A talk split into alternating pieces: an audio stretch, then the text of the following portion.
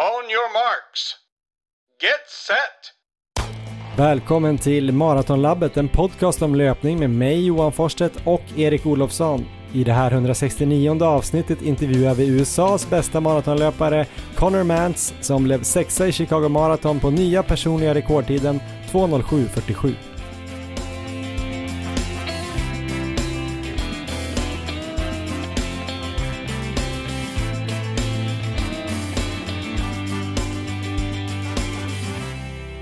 Vi har med oss ett riktigt bra namn i podden idag och det är inte du, Erik Olofsson. Det stämmer Johan, jag är också med, men vi har ju med ett eh, mycket roligare namn idag.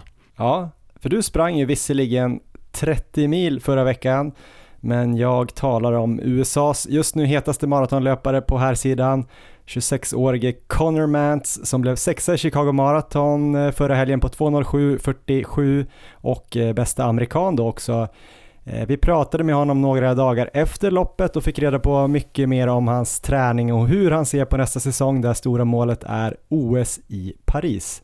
Bra namn eh, Erik. Ja, Connor har haft en fantastisk karriär här på college och har ju nu gått över till maraton vilket är väldigt intressant så att eh, en intervju väl värd att lyssna på. Mm, och eh, intressant start av karriären att det var liksom, han började med halvmaraton typ i 12-årsåldern. Ja, och eh, det var ju ingen dålig tid han hade där heller.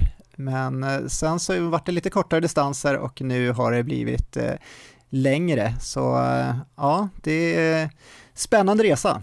Idag har vi också med oss Löplabbet som är Sveriges bästa butikskedja för löpare med åtta butiker från Umeå i norr till Malmö i söder plus webbshoppen då på löplabbet.se från sju av de här åtta butikerna anordnas eh, gratis löppass även denna vecka. Under namnet Fortsätt springa kör de ju löpträning tillsammans med Craft.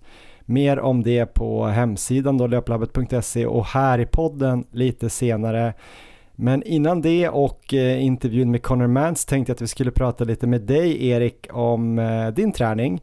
Eh, för det är ju lite så den här podden är uppbyggd ändå. Tanken redan i starten 2018 var ju att vi skulle med hjälp då av spännande intervjuer i den här podden få kunskap att använda för att bli bättre löpare och så skulle lyssnarna dels få lära sig mer om löpning och dels kunna följa oss i vår utveckling som någon slags dramaturgisk eh, kraft eller vad man ska säga. Och det blev ju bra inför Frankfurt, eller hur? Kommer du ihåg det? Det gick upp och ner där hela tiden. Det var ju perfekt, det gick ju ner hela vägen fram till, nu ska vi inte spoila om någon lyssnare inte har hört de första avsnitten, men det gick ju väldigt mycket neråt hela 2018 och eh, många misslyckade försök. Men till slut fanns det ju en chans kvar i Frankfurt där för både dig och mig att springa sub 3 på maraton. Jag saknar lite 2018-säsongen när vi båda eh, tränade mot samma lopp och samma mål och det var liksom att vi kunde prata om ja, samma uppbyggnad helt enkelt. Det måste vi nästan göra om någon gång. Ja, blir det 24 timmars för båda nästa år eller? Eh, nej, det blir eh, 3000 meter hinder. ja, men det är också kul. Det, ja, det, det kan jag tänka kul. mig. Ja, men eller kanske en mara någon gång under 2024. Ja. Ja, men eh, när vi snackar om vår träning försöker vi såklart ta ut det mest intressanta, eh, något som vi kanske tror att någon annan kanske kan ha nytta av eller något som bara är roligt eller underhållande. Förutom den här veckan då Erik, för nu tränade ju du nästan 30 timmar förra veckan totalt. Och det innebär att du har eh, tillåtelse att gå igenom pass för pass, allt du har gjort, gärna i realtid. Varsågod, ordet är ditt kan bli ett långt avsnitt då, jag vet inte riktigt vart jag ska börja. Jag kommer inte riktigt ihåg, men jag, det känns som jag sprang en del förra veckan, helt klart. Men 30 timmar är ju helt sjukt och 30 mil är helt sjukt. Ibland tänker jag att det inte är sjukt. Jag vet att jag många gånger säger det i podden, att jag tänker att det inte är sjukt och sen kommer jag på på något pass när jag ska springa typ så här 11 kilometer, att det börjar mm. bli lite långtråkigt vid 8 och att jag känner så här, fan det är ju skönt och så, men det är ändå lite, det är något som tar emot. Det där kan ju inte du känna överhuvudtaget. Nej, jag har funderat lite den här eh, förra veckan vad jag egentligen gör när jag är ute och springer och jag har insett att en sak jag gör ganska mycket är att jag springer och visualiserar. Det gör det lite roligare så det är, det är ett tips om man vill öka på volymen lite. Att eh, Tänk på målloppen och eh, visualisera olika scenarion. Det känns som jag har sprungit eh, VM här eh, kanske 20 gånger förra veckan ungefär med eh, olika framgång. Eh, ofta väldigt mycket framgång, det blir mycket roligare så. så att, eh, jag hoppas rent mentalt vara väl förberedd i december. Och även då rent fysiskt, träningsmässigt nu då, så har det ju gått eh, väldigt bra förra veckan. Om vi tar veckan innan så gick det inte lika bra, då landade det på eh, ändå respektabla 20 mil för den veckan, men då hade jag flera pass som jag faktiskt fick bryta. Det var någon liten känning i höften, eh, jag hade en morgon när jag var ute, det var väldigt kallt och då redan på andra kilometern så kände jag att eh, ljumsken var lite, ja, jag kände någon liten känning där så att då var jag helt säker på att jag hade fått ljumskbrock där. Eh, men jag bröt ju då på en gång det passet och dagen efter så har det alltid liksom fungerat bra att komma igen och springa så att jag tror det upplägget som jag kör här då med att bryta vid känningar ändå någonstans börjar betala av sig för att förra veckan så var det 30 mil och det mest positiva var ju att jag inte hade några känningar så att jag kunde springa på varje dag helt enkelt så mycket jag hann. Det var lite det som fick styra hur vardagen såg ut och eh, vilka pass jag fick in så att det var ju eh, allt från 35 kilometer upp till 60 kilometer de där dagarna. Jag ska inte gå in specifikt dag för dag. Men eh, det var lite så jag lät, eh, lät det styras också, farten, det kunde variera från kanske ehm, 4.30 upp till 5.20 beroende på om det var en bra eller dålig dag. Någon dag var det lite segare ben men ofta så var det ändå ganska pigga ben och eh, om man tar energimässigt så eh, på vissa pass hade jag med mig energi, då blandade jag Eh, en och en halv liter sportdryck där, Mårten 320 eh, som jag hade med, jag hade med någon bar också och då var jag ute i kanske fem mil i sträck medan andra dagar så eh, kanske jag sprang tre mil och sen var jag hemma och tog en lunchpaus och sen stack ut igen på två mil till. Och då hade jag inte någon medhavd energi utan då var det bara lunchen där som som jag tog. Så eh, lite så har veckan rullat på. Det har blåst ganska rejält i Uppsala, det brukar det göra, men det har ju varit rejäl storm vissa dagar, så då har det känts som jag har stått still. Jag hade något pass när jag, jag tror jag hade sprungit eh, fyra mil, sen hade jag en mil hem och var ute på så här åkrar nästan och sprang så att det var ingen vindskydd alls och det blåste i sidled så att jag stod nästan still Eh, så jag mm, var väl uppe i sjufart där ett tag när jag försökte springa hem den där sista milen. Då var det inte jätteroligt, men eh, i övrigt så tycker jag att det har varit eh, väldigt trevlig vecka. Jag har verkligen tänkt på att försöka uppskatta att kunna springa utan känningar och njuta av den här perioden, för jag vet att det kan ändras snabbt, så jag tar ingenting för givet nu. Men det känns ändå härligt att sitta här och spela in och eh, känna att jag just nu är i medgång. Det är sju veckor kvar till VM, man kan väl säga att det är fem veckor med eh, riktigt tuff träning då, sen ska jag ju trappa ner de sista två veckorna när jag också kommer resa. Jag kommer resa lite tidigare till Taiwan än planerat här också, så att det är fem veckor kvar med träning och eh, skulle jag kunna hålla i det här flytet jag har just nu så kan det bli en otroligt bra uppladdning.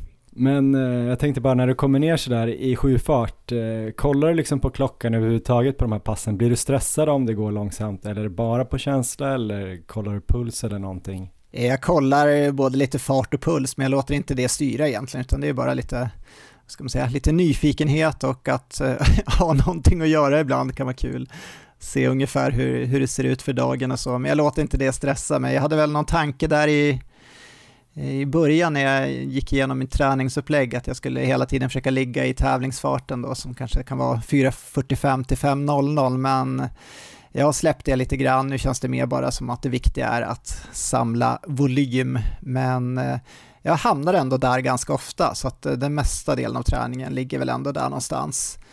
Pulsmässigt så springer jag ju inte heller med pulsband på egentligen av passen så att eh, ja, jag litar inte på handledspulsen där så att det, det är egentligen en icke-faktor. Vad är det bästa du har kommit på VM då i dina visualiseringar? Ja men eh, några av gångerna här så spurtade jag ner suruken där sista sista 5-10 minuterna så det var väldigt, väldigt dramatiskt eh, och känslosamt och plågsamt. Men eh, en fantastisk känsla så att eh, skulle då får man säga, mot förmodan den situationen uppstå där i Taiwan, då har jag i alla fall gjort det förut och då kommer jag känna mig bekväm med det. Så att eh, ja, det är väl de bästa scenarierna som har varit. Grät du när du korsade mållinjen? Um, ja, eller när jag la mig ner så gjorde jag säkerligen det av uh, alla möjliga anledningar tror jag. Grät uh, Surukin? det såg jag inte, men jag ska, jag ska ta med mig det i nästa visualisering så ska jag fokusera lite mer på det och uh, se reaktionerna där. Så Var det svårare eller lättare att spurta mot Surukin jämfört med Kristoffer Hiding? Oj, um, Ja, men det var lite lättare får jag säga. Hiding var så eh, otroligt snabb där. Det var väl 2020 tror jag. Ehm, det var ju halvmaraton-SM när jag låg i hans rygg där och gick ut med stort självförtroende med 200 meter kvar där och skulle bara spurta förbi honom. Men då, då hade han en växel till, en växel som jag inte är nära att ha. Så att den, den växeln har inte Sorokin haft i mina visualiseringar. Men det är mycket möjligt att det är så eh, om det här scenariot skulle, skulle ske på riktigt. Så att jag får nog dra en långspurt helt enkelt. Det räcker inte med 200 meter. Jag måste, ja, få bli en sån här 10, 10 minuters spurt kanske. Mm. Tänker du på någonting annat än de här uh, fiktiva VM-loppen när du är ute och springer? Det är ganska mycket tid ändå. Ja, nej men det blir ju en hel del poddlyssnande och eh, lyssnande på musik och annat, eh, så att det, det, finns mycket att göra. Eh, sen så eh, så, så ja, det går väl lite till och från. Man låter tankarna flöda fritt och det är ganska, ganska härligt. Men eh, just när det inte är eh, katastrofväder med vind och regn och annat, då försöker jag ändå njuta att vara ute i solen och eh, ändå, även om det kanske inte alltid är den mest inspirerande natur man springer i, så är det ändå väldigt härligt att vara ute dagtid. Så Eh, mm. Jag har det ganska bra på de här långpassen. Jag ska absolut inte gnälla och eh, säga att det är någon slags tråkig plåga att vara ute, utan jag, ja, det har blivit lite vardag nu. Men sen så känner jag väl att eh, efter VM så kommer det bli ganska skönt att eh, släppa hela, hela det här upplägget lite och få bara återhämta mig mentalt och fysiskt. Tänker du något på romarriket när du är ute och springer? Nej, det, det, gör jag inte, varken där eller på på eh, fritiden annars, men jag har hört att det är väl en sån här killgrej att göra tydligen. Hur är det med dig där, gör du det? Alltså jag har aldrig tänkt på romarriket i hela mitt liv tror jag. Förutom kanske ja. den uh, dagen jag såg, um, tappade namnet på filmen. Gladiator. Russell Crowe. Ja. Jag har aldrig gjort det, så jag är helt så fascinerad över den här grejen att det har blivit så stort och att folk verkar göra och alla tycker det är så kul med den grejen. Jag har aldrig, aldrig gjort det. Ja, men, uh, ja, nej, men det låter ju härligt Erik. Man kanske ska testa en vecka någon gång. Ja, men en 30 mils vecka är, är eh, roligt och eh, ganska krävande samtidigt skulle jag säga. Så att det, det är nog bra att bygga upp till det om man någon gång vill ge sig på något sånt. Så att eh, min plan är väl att eh, kanske ha det som max. Så får jag in några, eller någon vecka till där uppe så kommer jag vara ganska nöjd. Sen så har jag faktiskt ett lopp här också om knappt två veckor som jag ska springa, så då behöver jag dra ner lite grann på volymen ändå. Så får vi se hur veckorna kommer se ut framöver. Men eh, det är väl hur min träning har sett ut Johan, men jag tycker du verkar på gång igen. Dels i träningen och sen så vart det ju faktiskt en pallplats här i helgen. Berätta om det. Ja, men jag har ju både lite goda nyheter och faktiskt en en lite sämre nyhet som kommer kanske toucha någonting du var inne på där eh, tidigare. Eh, vi kommer till det. Vi börjar med det, med det positiva tycker jag. Bra träningsvecka igen efter sjukdom och eh, säsongsvila samt någon liten uppbyggnadsvecka. 95 kilometer löpning blev det, två kvalitetspass och en tävling. Plus ett styrkepass. Jag ska ju försöka köra två, men jag hann inte. Två ganska klassiska kvalitetspass, ett som var 20 x 400 plus 4 x 200 och sen körde jag, det körde jag i måndags och sen i onsdags körde jag 5 gånger 6 minuter. Storm var det ute och jag tänkte att jag skulle kanske kunna hålla 3.50 fart eller något. Men landade på 3.40 snitt så då tänkte jag så här, jag kanske är lite lite bättre än vad jag trott att jag varit. För jag har ju trott att jag varit ganska kass. Så det var ja. ganska positivt i, i början av veckan. Sen sprang jag ju ett lopp här i igår, söndag, nu spelar vi in det i måndag, Haninge trail 16,7 kilometer på den eh, kultförklarade SM-skidbanan från 1990. Så står det på deras hemsida, det tänkte jag, det här måste jag prova. Läste på lite efteråt faktiskt. Mm. Hur gick det på den där eh, SM-tävlingen? Var det liksom Gunde Svan som vann eller var det Torgny Mogren eller Janne Ottosson kanske? Christer Majbäck, vem, vem vet? Åkte Vladimir Smirnov då eller var han lite senare? Kommer inte ihåg. Ja. Hur som helst visade det sig att det var aldrig något skid-SM i Haninge 1990. För det blev snöbrist och så flyttades det till Östersund. Eh, ja, ja. Blev en liten parentes det här Erik, eh, kanske dra ut på tiden. Jag sa ju här innan att vi bara pratade om det mest intressanta i våra träningsveckor. Eh, men nu lärde ni er någonting i alla fall. Eh, det var i alla fall där vid Rudan. Ska inte dra jättelångt om det här loppet men det var liksom ganska blandad terräng. Det var väl typ 400 höjdmeter lite drygt på den här slingan. Det var blandat elljusspår, mer eller mindre tekniskt skulle jag säga. Vissa ställen var det väldigt blött och lerigt och det var lite stenigt och en del rötter och lite lättlöpt på några ställen. Lite mer så här upp och ner backar. Det var liksom lite så här, lite trailigare än Lidingöloppet skulle jag säga, men inte som en kanske fjäll, fjälllopp. Inga Ja. stigar sådär. Eh, så passade ändå mig ganska bra tänkte jag och eh, visste ju inte så mycket om motståndet. Jag visste ju bara att eh, det var ett sånt här lopp som om jag hade lite tur med anmälningslistan så skulle jag kanske kunna komma typ topp fem om jag gjorde det bra. Eh, visste på förhand att det var en kille som skulle vara med som typ hade banrekordet och eh, det blev ganska intressant faktiskt eh, hur man så här, eh, mentalt kan ja, påverka utgången av eh, tävlingen. För eh, i starten så stack ju en kille eh, iväg, ett så här ganska långt, blont, eh, stort, lite halvkrulligt hår. Det var som en ung John Kingstedt Okej. som bara stack. Och Ja. jag bara, okej, han kommer spricka. Men jag visste ju inte vem det var, jag hade inte sett honom framifrån för jag kom ganska sent till starten. Jag trodde faktiskt att han var lite äldre än vad han var, ska jag säga. Det kanske jag inte ska säga om han lyssnar här nu. Men jag såg honom bara bakifrån. Han stack, sen var det en annan kille som kom efter honom. Det förstod jag ganska snabbt måste vara den här killen, Jonathan Alveus, som brukar vinna det där loppet. Eh, Roligt sidospår där Johan, eh, med, med honom.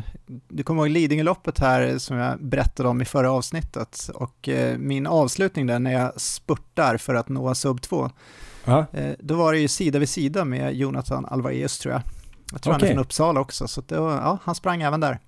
Ja, han eh, tävlade för Uppsala IF. Han har ju lite så här bra tider vet jag, under nio minuter på 3000 och bra miltider och har väl sprungit flera gånger tror jag under två timmar på Lidingöloppet. Men jag har ingen aning om hur bra han är, eh, var nu igår. Och jag visste ju inte liksom om han hade kanske kört skithårt pass på lördagen. Hur som helst såg jag att han gick då eh, ut ganska behärskat men som tvåa då efter den här killen som bara stack.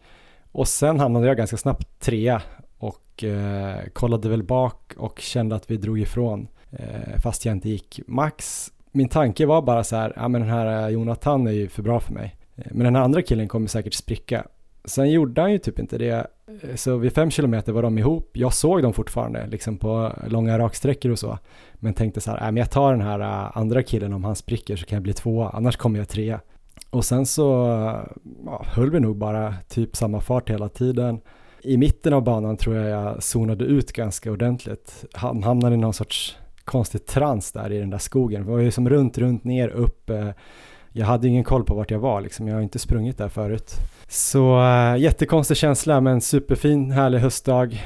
Jag märkte att pulsen gick ner där tror jag ett tag. Så jag försökte skärpa till mig på slutet och då såg jag den här kalufsen genom skogen.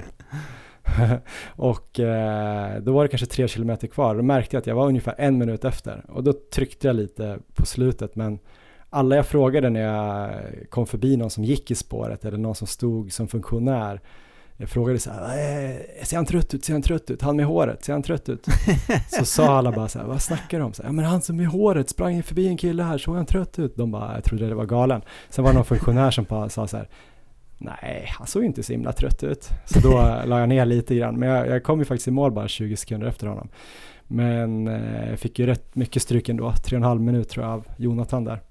Eh, ja, men stabil tredje plats skulle jag säga. Eh, blev ett bra tröskelpass, typ 70 minuter i zon 3 egentligen. Jag var väl uppe i zon 4 någon minut så här, men jag kände där liksom att så här efterhand om jag skulle verkligen ha tänkt tävling och chansat lite så kanske man skulle kunna springa där lite, lite fortare. Men det var jäkligt kul, så att eh, det var väldigt positivt. Du hade en brutal spurt såg jag i alla fall på Strava. Det stack iväg riktigt rejält där. Så väldigt bra avslutning. Ja men det var lite ojämnt där. Mitten var, det var lite så här som att jag satt mig i framsätet eh, i början mm. av loppet och ändå gick upp mot tröskel och kände att det var ganska jobbigt men inte svinjobbigt. Och sen hoppade jag bak i baksätet i mitten av loppet för att sen hoppa fram igen. Eh, men jag tror aldrig jag körde bilen. Kanske ja. där på spurten möjligtvis, sista, sista kilometern. Men, men, men det är spännande, men... spännande fenomen det där just när man eh, tappar fokus lite och även tappar fart lite mitt i loppet. Jag har även en adept som har pratat om precis samma sak här under lopp under året. Ehm, så att eh, det kan vara något att tänka på och jobba med liksom rent mentalt kanske just när det Eh, eller vara medveten om att det där kan hända och vilka strategier man ska ha då. Eh, så att det verkligen vara fokuserad och medveten om att det händer så måste man lägga extra fokus och inte tappa fart där och så för att det, ju, det blir som ett väldigt avgörande skede av loppet egentligen om man nu vill få ut sin maximala kapacitet på loppet. Ja, men jag tror det hade att göra med att det här var inget prioriterat lopp eller så, något stort ja. mål.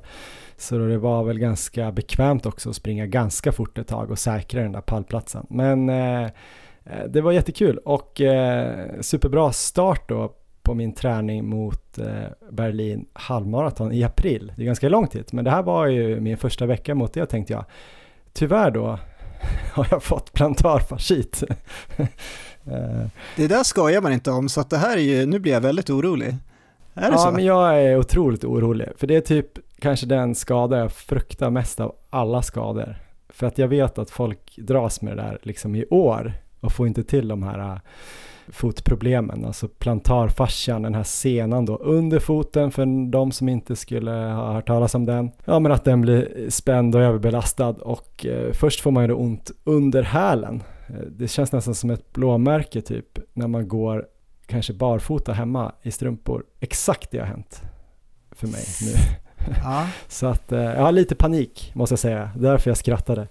För att egentligen är jag, eh, är jag inte alls lugn och skrattar åt utan jag sitter hemma och skakar. Har du fått någon tid för att kolla upp där? Ja, jag fick faktiskt en akut tid hos en duktig kiropraktor imorgon. Eh, så idag kör jag löpvila, jag var ute och cyklade lite bara för att jag var tvungen att komma ut i solen lite och så ska jag träffa henne imorgon och så har jag mässat en annan fysio och fått lite råd vad jag ska göra. Så eh, jag tror jag drar eh, totalt i nödbromsen nu innan jag vet någonting mer. Och eh, det kanske blir en vecka med löpvila eller något för att nu på ett sätt ligger det ju bra till om det nu skulle vara en begynnande plantarfascit då. För att det är inget lopp. Det hade kanske varit värre om jag tränade mot ja, men Valencia eller Taipei. Mm. Då hade man kanske haft svårt att stå emot. För jag kände ju ingenting under tävlingen. Det är det som är grejen. Det har ju känts bra att springa. Jag har ju känt så här efterhand kände jag väl lite i hälen i slutet av förra veckan. Alltså bara när jag gick hemma. I, och då trodde jag ju liksom mer att jag kanske hade, jag vet inte, kanske slagit igenom i hälen. Alltså det känns ju som att man har fått en smäll i hälen. Typ att man har hoppat och landat på en sten eller någonting, om du förstår känslan. Ja. Så jag kände ingenting i underfoten utan bara på ett ställe i hälen. Men eh, nu har jag läst på lite och jag har haft lite känning av det där typ 2015 kanske långt innan ja. podden. Och då lyckades jag ju slippa plantarfascit och massa sådana här sulor och skit. Så, eh, men jag vet folk som har gått med det där ett år liksom. Det har jag inte så, så lust med. Så vi får se hur det går. Det blir spännande att, att se eh, nästa avsnitt om det är borta eller om eh, jag är slut. Ja, det får vi verkligen hoppas att det är borta redan då, eller att du har fått en bra prognos i alla fall. Brukar det komma sådär plötsligt också? Det är inte så att det brukar smyga sig på att man ska ha känt några tendenser av det innan, utan det kan komma liksom direkt bara och vara där. Ja men det ska jag fråga imorgon, mm. om det här känns rimligt. För att jag tycker att det var otroligt orättvist eftersom jag har inte gjort någonting konstigt. Jag hade förstått om jag hade kanske dragit på liksom och spring, sprungit den där 30 milsveckan eller att jag hade hoppat på eh, terräng-DM här förra helgen med spikskor eller något sånt där. Eller eh, jag vet inte, börjat med jättemycket hoppträning barfota.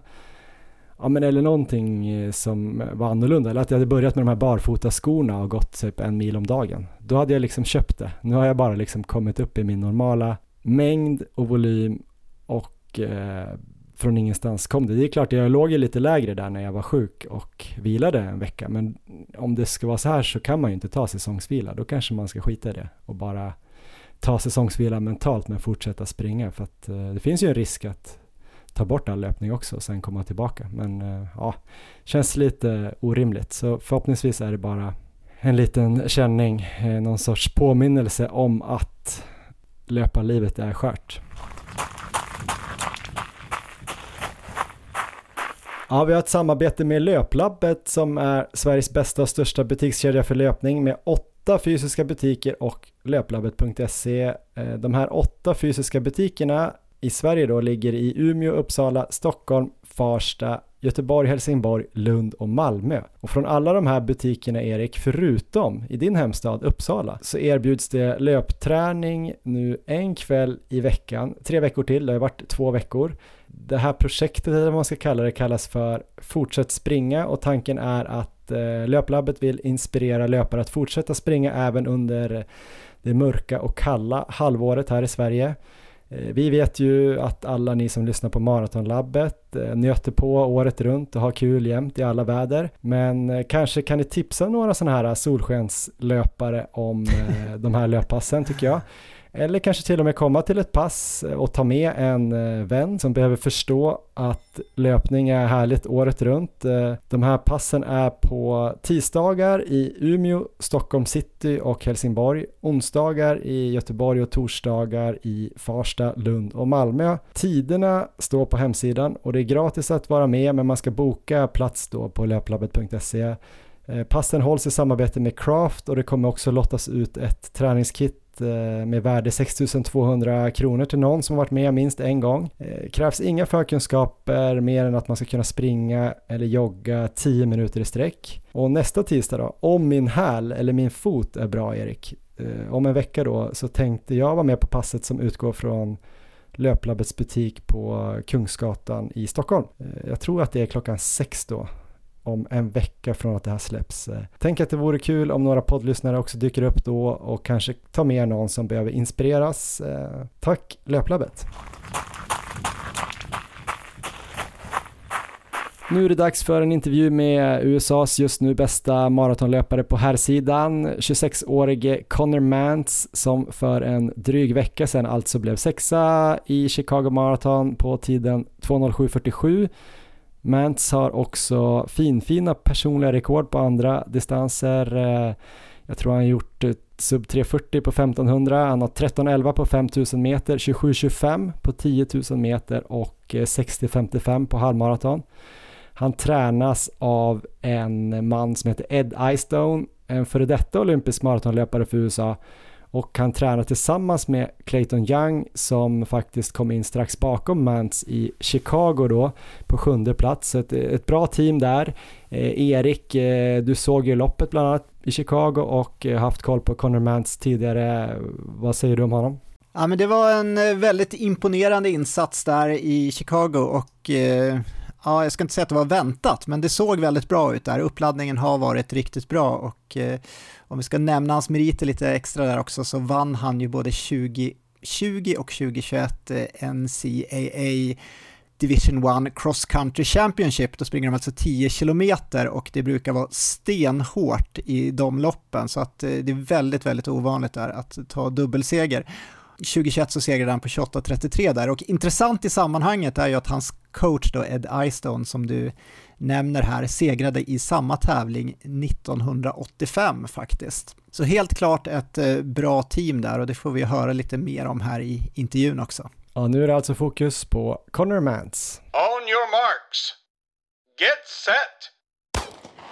Welcome Connor Mance to uh, our show Marathon Labbet. How are you? I'm great. How are you doing, Johan? I'm fine, actually. It's so nice to have you on the show. And uh, first of all, congratulations to uh, a good performance in Chicago a couple of days ago. How pleased are you with your 207 uh, time in a sixth place there? You know, it it was a good race. I think you know I, I I'm I'm pleased with it for sure. But I I was really trying to you know, break that 207 barrier. The goal was 208, but when the weather proved to be quite nice and the pacer, and I was going to have some good pacers, it was easy enough to, to be like, okay, if, you know, these things go really well, going running under 207 is doable. So I'm pleased, but I, I, I wanted a little bit faster of a time.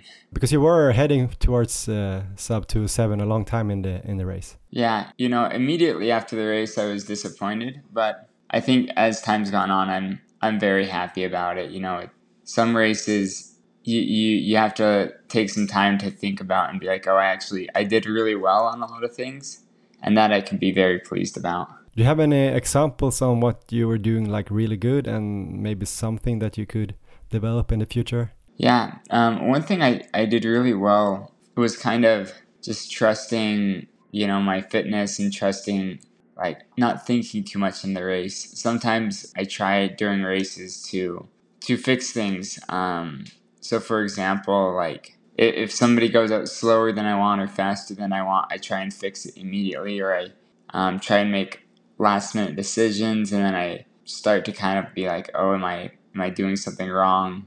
And I think a lot. And in this race, I really just tried not to think. Just tried to sit behind the pacer and the pacers and turn my mind off and I think that was a good thing. And then um, I've had issues with my bottles in the past, and I, I think I did really well with getting my fluids in. And I had little lines drawn on my bottles of how much do I want to dr- make sure it passes this line before I stop drinking. And I think that was another good thing I did well. Something I could work on, I think, is just you know near the end of the race, I got I got very excited. Yeah. Um, around oh like 30 kilometers, and I started to push and then after 35 kilometers, I began to push again. But then I think I pushed too much because my last five kilometers, I really I slowed a lot. So I think just staying composed and running and running the game plan instead of you know getting too excited at the end. And uh, you obviously wanted uh, sub 207, but now when you did like uh, sub 208 10, and also your training buddy Clayton Young finished right behind you, also under the Olympic qualification time. How important was that? That that was very important. I think the the U.S. Olympic trials is is very. They made it very complicated, but with nobody having any time uh, no Americans having run this the uh, that Olympic standard of 208.10, it was getting a little overwhelming in a way. You know, heading into the trials to be like, well, do we run the trials even if if there's no spot to if there's no way I can earn a spot? Um, do you even run the trials? And so it was just getting a little complicated. I guess it still is complicated, but it was nice to run those times and you know be confident heading into the Olympic trials. I think we come back to that a bit uh, later in the interview. First, uh, before we go go on your background, just to hear your your thinkings about the performance of, of Kelvin Kiptum in the same race. Did you did you see him at all? I, I saw him one time. I think it was oh I think he was getting toward he was probably at 39k or 38k. He was making a turn where the course gets parallel and last year I didn't see I didn't see the leaders at all. They hadn't come by yet. He was somewhere around 39k, and I was somewhere around uh, 37k, and I was you know very very surprised because he was still going really fast, and I was surprised I was seeing the lead vehicle. You know, sometimes you hear about someone going for the world record, and then you, you don't know if it's actually going to happen. I feel like it, it doesn't happen. It happens less than it does, where people actually are able to hit it. I think we're gonna um, go back a bit in time if it's okay. Yeah, we're not gonna uh, maybe learn everything about you, but uh, you had kind of an interesting background when you started like running. You started with half marathons. Correct. How was that? It's kind of uh, unusual, I think. And you started with half marathons, and then you moved to to shorter distances. How was that? Yeah, it, it was. It's very different. When I was nine years old, my my brother and my, my older brother and my dad uh, trained to run a half marathon and they ran it together and I wanted to I wanted to be able to do that. Um, so when I was 12, my dad let me sign up for one and he, he had me train for it. I was maybe running, you know, three or four times a week between three to five miles with an eight miler once. it wasn't any great training, but it was enough to finish a half marathon. And after doing that, I, I wanted to, I wanted to try a marathon, but my parents said you're too young, um, which, which is understandable. And so I, I tried to bring my half marathon time down, and they would allow me to race oh like two of those a year until I got into high school. Uh, where I'm from, we didn't have any you know any track programs or athletics things for anybody until they're in the high school ages. So about 14 years about 14 years old is when I had my first real track race and cross country race. So before that, it was just you running by yourself, like kind of with no program Yeah. or. No, maybe my dad would just tell me how far to run, and I I just thought every run you're supposed to run as hard as you can. but you did 111, I think, when you were 14. Yeah, I ran a 111 and then, yeah, either 14 or 15. It, it was at a young age, though, I ran 111 and then I began to fully transition to high school running and, uh, you know, the track running and cross country. So you started like running shorter distances in high school and then moved on to college and did like more, what do you say, proper athletics, track and field training. Right, right. Okay, and after college, uh, you turned pro, uh, and it was almost two years ago, I think. Was that also a starting point for your marathon career, if you can say that, after three marathons? Yeah, yeah. I think um, even before college, I I knew I wanted, like I said earlier, I knew I wanted to do to be a marathoner. But after you know having a very successful college career, I began to focus on the marathon. I knew it was it was it would be where I would what I would race um, long term. So I did one one more track season. Uh, and that was 2022, and then last year in October 2022, I ran my first marathon. And quite a debut as well. Like I think it was the second fastest marathon for a debut debutant in in US. Yeah, yeah. What is it about marathon that excites you and from so young age? Is it like you feeling you would be good at it or is it something special with the distance? It was kind of a couple things. Um, first, I think my it was something I was excited about because my my dad, after some years, about when I was in high school, he began to run marathons too, and he was doing it to to lose weight and just as exercise. And for me, I really wanted to get into it because he was into it. But then as time went on, just kind of I as I became a runner, uh, as I became more into the sport, it really just became something I felt like I could excel in as well. Um, so I think you know that young age of wanting to finish a marathon was always in the back of my mind. But as I became, as I got quicker and quicker, um, I really wanted to to go out and you know see how fast I could run a marathon.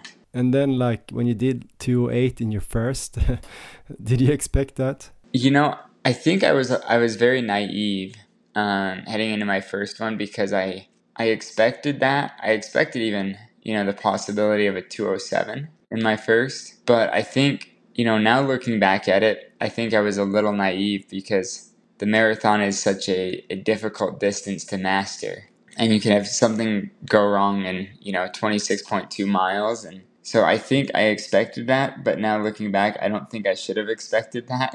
It, I think I was just very naive, and I think it, it benefited me, but I, I don't know if I should have expected 208. But like for intermediate runners, like if you do like I don't know 250 or three hours, one part of the charm with the marathon is you you don't really know if you're gonna do 255 or bonk and do 330. You never uh, experienced that. You've done like 28, 210, and now 27. 210 was in Boston. I think it was rough weather, no?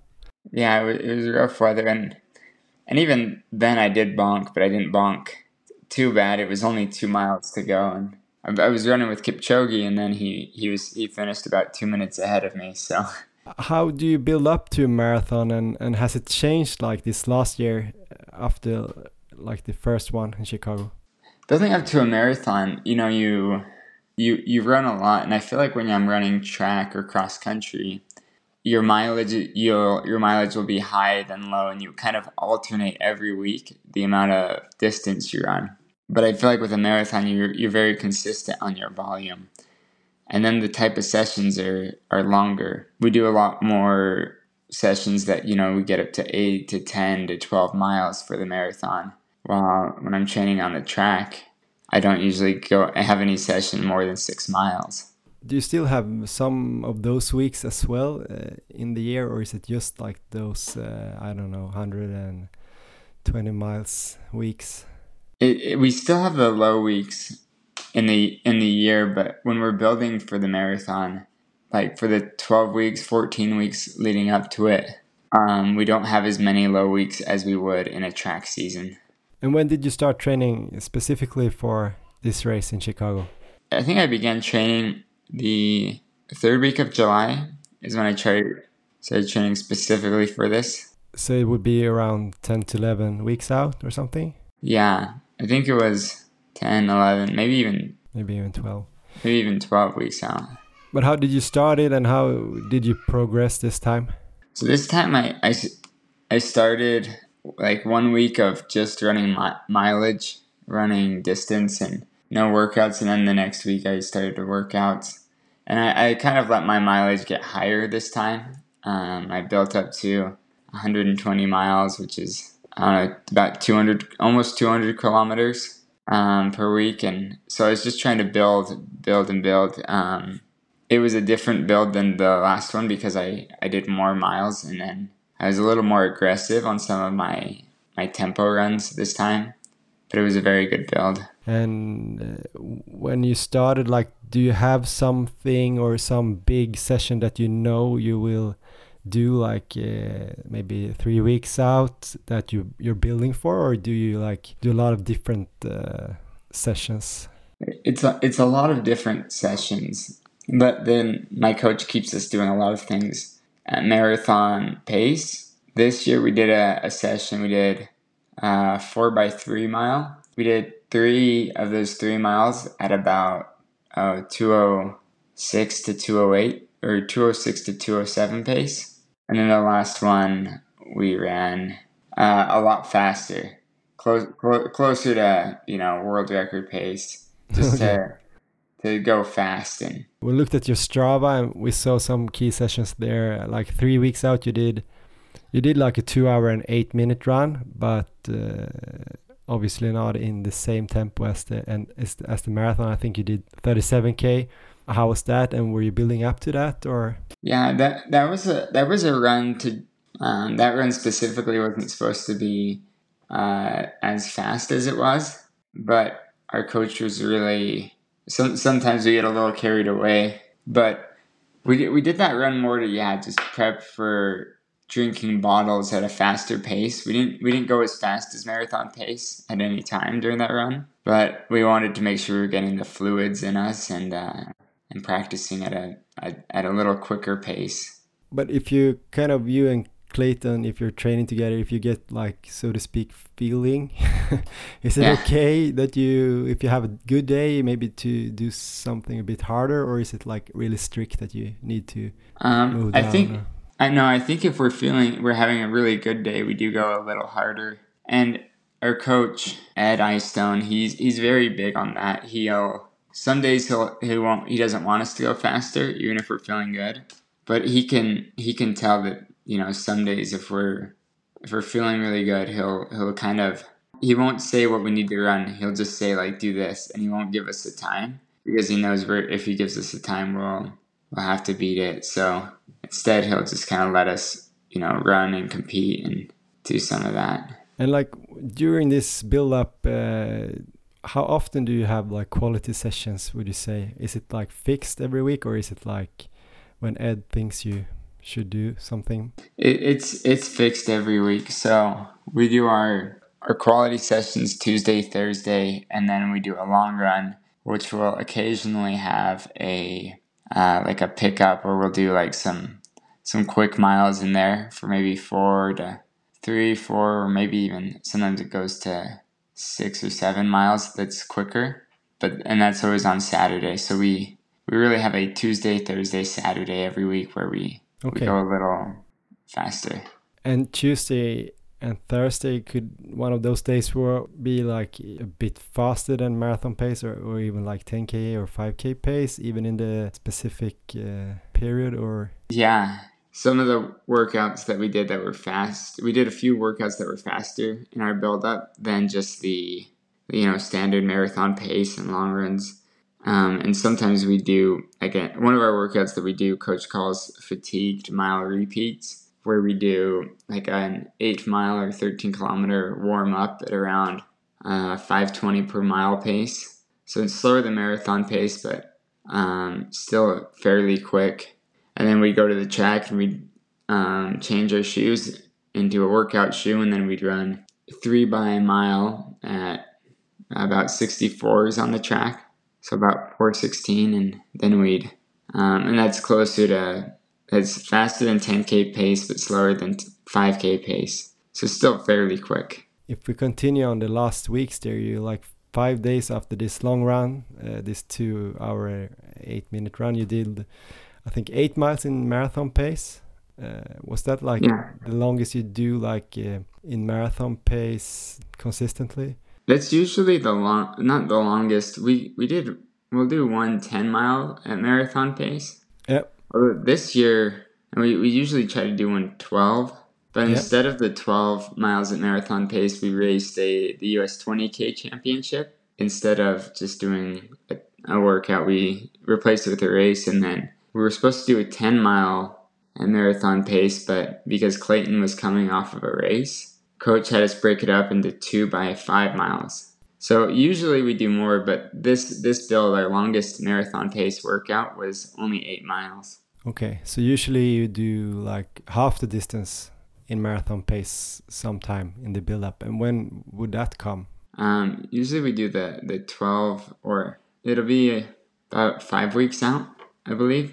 Yeah, but everything went according to plan this build up. Yes, everything everything went very. I mean, one of the things that is is difficult with the marathon build is staying healthy, and I think that was one thing that I was fortunate to have this year, and then in my build for Chicago last year as well. Do you have any secrets on that? Staying healthy, both not Yeah. being sick and not injured. Absolutely. I think the biggest secret, and it shouldn't be a secret to stay healthy during a marathon build, is is uh, sleeping enough. I think, especially in America, people they like to they they like to stay up very late, and then they, they then they have to get up and you know get to work early in the morning, and they don't sleep enough. I made sure you know to to make sure I'd sleep about nine hours every night, just because that's how that's how your body recovers. Do you also nap during the days now when you're pro? Uh, occasionally, occasionally. I didn't. I didn't nap at all during my Chicago build.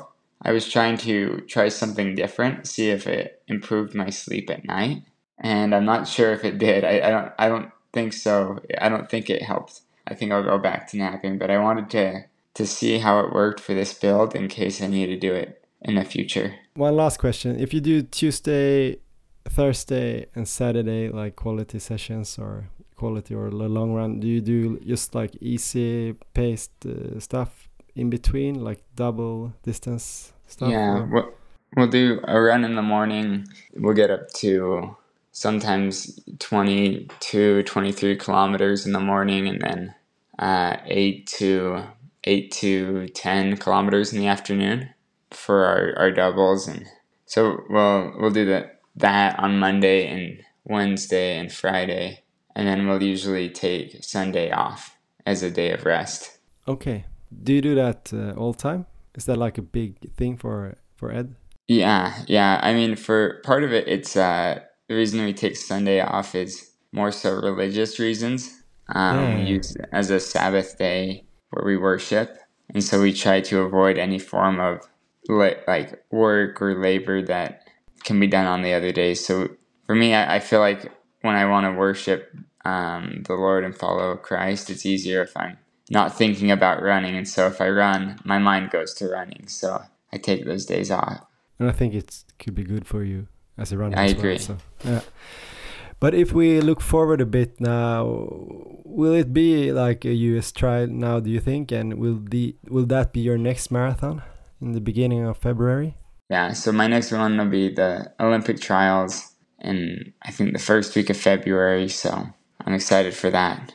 And what happens now, like in October, and when do you start to to train for for that one? So I'll, I'll, I'm gonna take this week it very light in running, um, and next week too. So if I don't, if I wake up and I don't want to run, I won't run.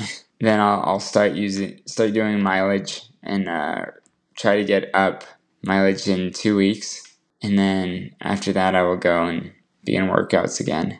So in about three weeks, a month time, beginning of November, we'll start doing workouts again. And what do you think you need to do in the trials? Do you need to finish top two to take one of those spots? Yeah, as of right now, you need to be top two just because the US only has the two spots. I do think that it could be it, it could be possible that, you know, I, I finish third and I'm able to go. You know, either be top two or top three will get me to the Olympics.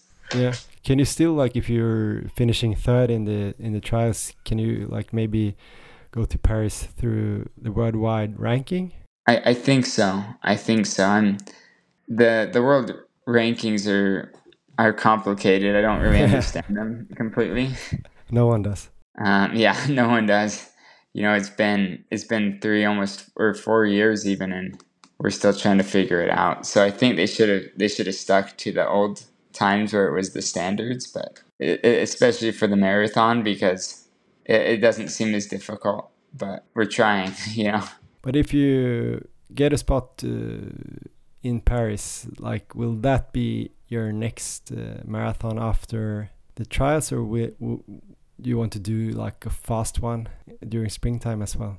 No, I think I think it'll really be you know run well to make it to Paris and then focus on Paris. I think you know because the Olympics are every four years, um, it's it's difficult to because they're only every four years. It, you know you really want to go all in or and give it everything you can to to focus on that event. Yeah, have you been dreaming about the Olympics for a very long time? Um, I I wanted to run my first marathon actually in uh, 2020 to run the Olympic trials in the marathon, and I was gonna run a half marathon to help me qualify for those trials, but I ended up getting injured and and wasn't able to even run the half marathon, and so I couldn't qualify for the trials, but it was fine. It I, I've been really, I mean, I, I almost made, I, I was two spots away from making the team, the 10K team that went to Tokyo. Yeah. Um, from the U.S. and so I'm I'm really hoping that you know this time I'm I can you know be top three at the trials and or top two if it takes top two and earn that spot to go to the Olympics. We're sharing from you from Sweden. Well, thank you. That that means a lot. Cool. Uh, thank you so much, uh, Connor for your time and for your knowledge about running. Hey, well, thank you for having me, Johan.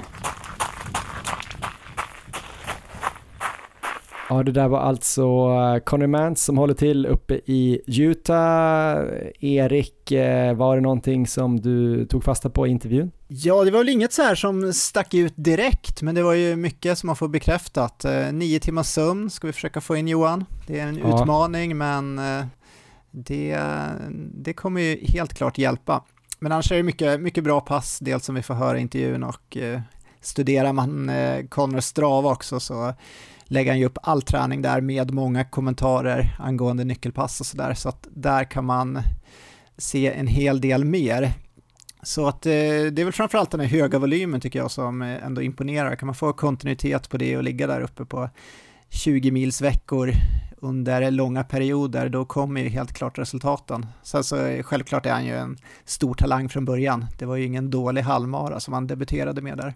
Det var kanske inte hans första, men ändå 1.11 när han var 14 var ju grymt. Just det. Håller med dig eh, när du säger det, är liksom ingenting som är jättekonstigt, men de verkar ju köra allting by the book och hålla det väldigt, väldigt bra. Det tänkte jag också på, att de har liksom ja, men tisdag, torsdag kvalitet och så långpass lördag, ibland lite kvalitet då på långpassen.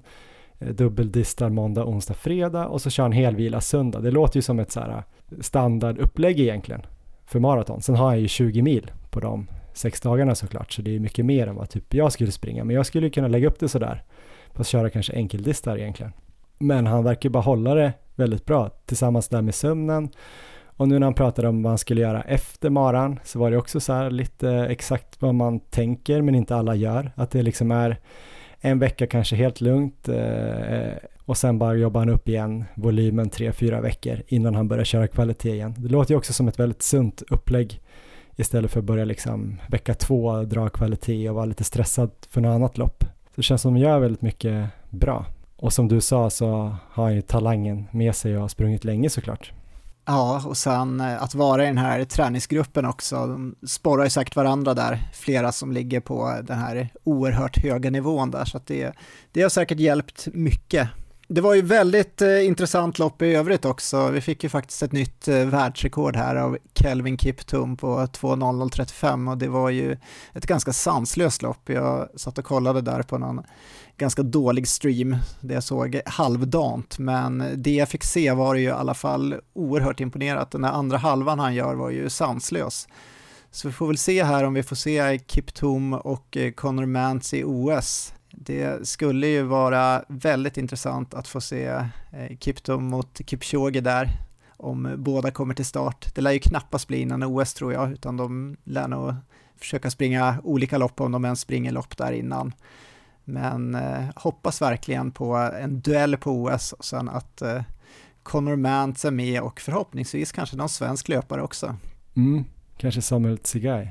Ja, vart ju svenskt rekord här också i helgen med 2.08.41 i Amsterdam, så det har ju slagits rekord åt alla håll här känns det som på eh, maraton. Vi hade Asefa där med 2.11.53 i Berlin för nytt världsrekord för damer, sen hade vi nytt herrrekord och eh, nytt svenskt rekord för herrar, så nu fattas det väl bara att Carolina Wikström eh, slår svenskt rekord för damer då i Valencia så är det komplett år. Mm, no pressure. No. Smurf. Ja men det är några minuter kvar, typ två och en halv kanske, tre, två och en halv, tre minuter i alla fall. Från hennes pers alltså. Men det är ingenting omöjligt för Carolina Wikström. Nej men precis, jag såg faktiskt att hon stod med här i startlistan till Uppsala Marathon också, som går om knappt två veckor. Och där står även jag med Johan. Ja, jag också kanske, fast på ett annat sätt. Men eh, ska hon springa maran? Och du också? Hon ska springa maran, jag har ingen aning om vilket upplägg det är. Det är väl någon slags eh, kvalitetspass inför Valencia kan jag tänka mig. Så jag vet inte hur, hur de riktigt lägger upp det där med, vad kan det bli, fem, fem veckor ungefär då till Valencia, men det lär ju bli ett ganska tufft kvalitetspass. Ja, men precis. Jag, enligt planen skulle hon väl springa Valencia halvmaraton och det är väl söndagen där veckan innan, alltså nu på söndag den 22. Jag vet inte om hon fortfarande kommer göra det. Om hon gör det så kan hon ju inte köra kanske allt för hårt den där lördagen, men eh, jag menar när hon springer sina lugna pass så går det otroligt fort.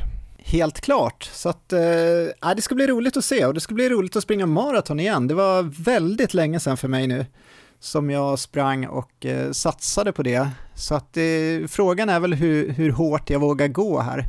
Jag har ju faktiskt eh, valt bort att eh, köra kvalitetsträning helt här de senaste veckorna, eller valt bort, jag har faktiskt haft lite känningar då under helgerna när jag har planerat att köra lite mer fart, så att jag kommer komma till start med bara eh, distansfart i kroppen, förutom då Lidingöloppet där jag sprang eh, väldigt hårt. Jag vet inte om jag kommer springa riktigt så hårt i Uppsala, jag tänker nog mer kanske någon slags 95% av max eller någonstans där. Så ett eh, väldigt tufft pass, men jag vågar inte riktigt riskera någonting nu känner jag när det ändå går väldigt bra i träningen.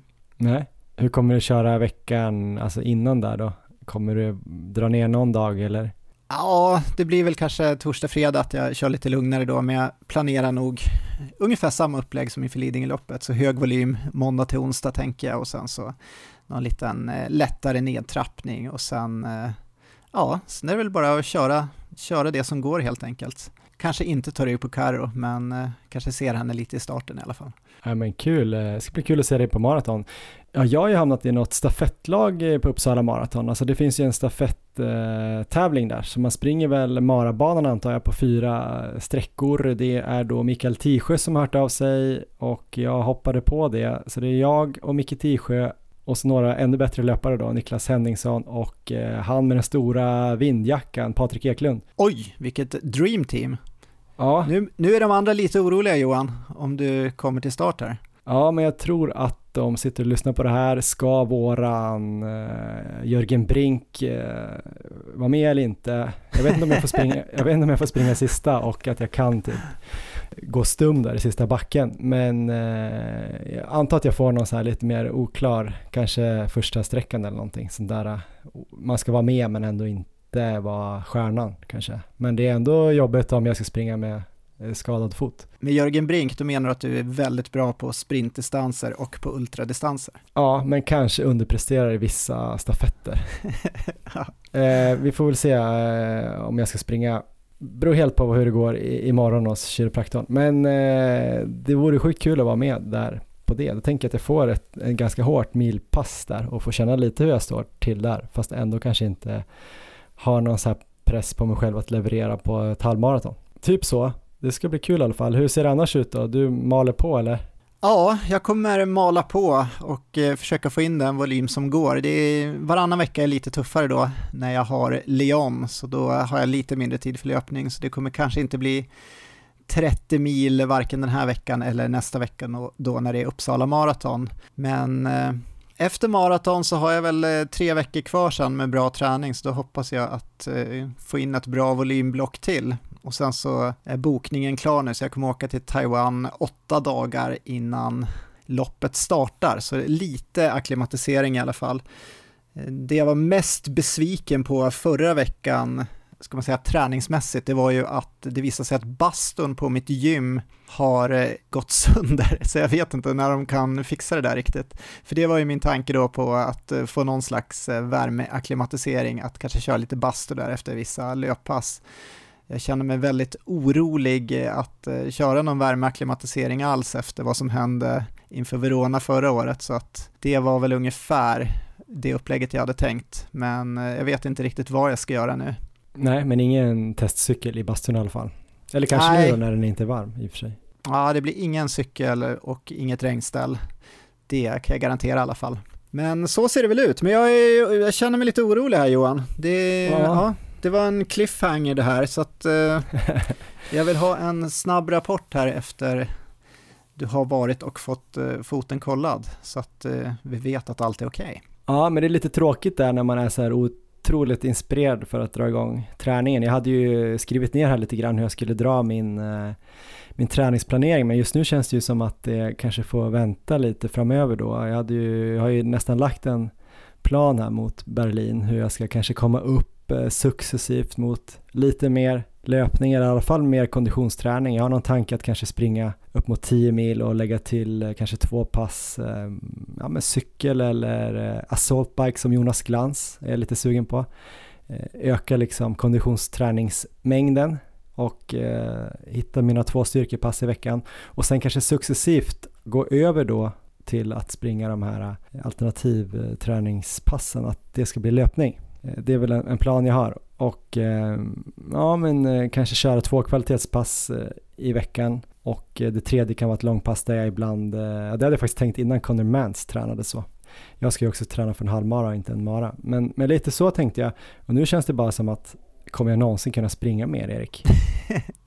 Eller det kommer, kommer det bli, bli något annat? Kanske blir, ja, jag vet inte ens vad man kan göra med en dålig fot. Det blir väl så här kanske armcykel på knä för mig också. Man har ju sett det ibland på Instagram. Ja, annars så har vi ju alltid eh, Nils van der Poel-konceptet att eh, cykla 30 timmar i veckan. Så det, det kan du ju hoppa på ett tag tills du kan springa igen. Men förhoppningsvis då i nästa avsnitt så har vi båda sprungit i Uppsala och vi får en dubbel race report därifrån. Det håller jag tummarna för.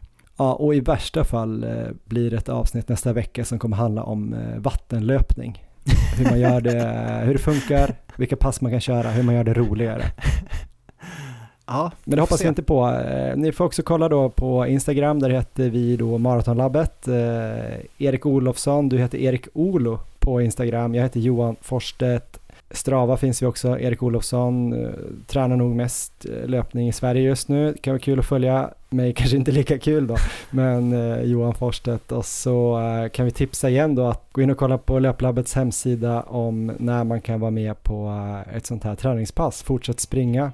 Jag kan förhoppningsvis vara med då nästa tisdag på Kungsgatan i Stockholm. Kul Erik, eh, ha det så himla bra nu, hoppas att du kan fortsätta springa så här fint. Tack Johan, ha det bra och lycka till!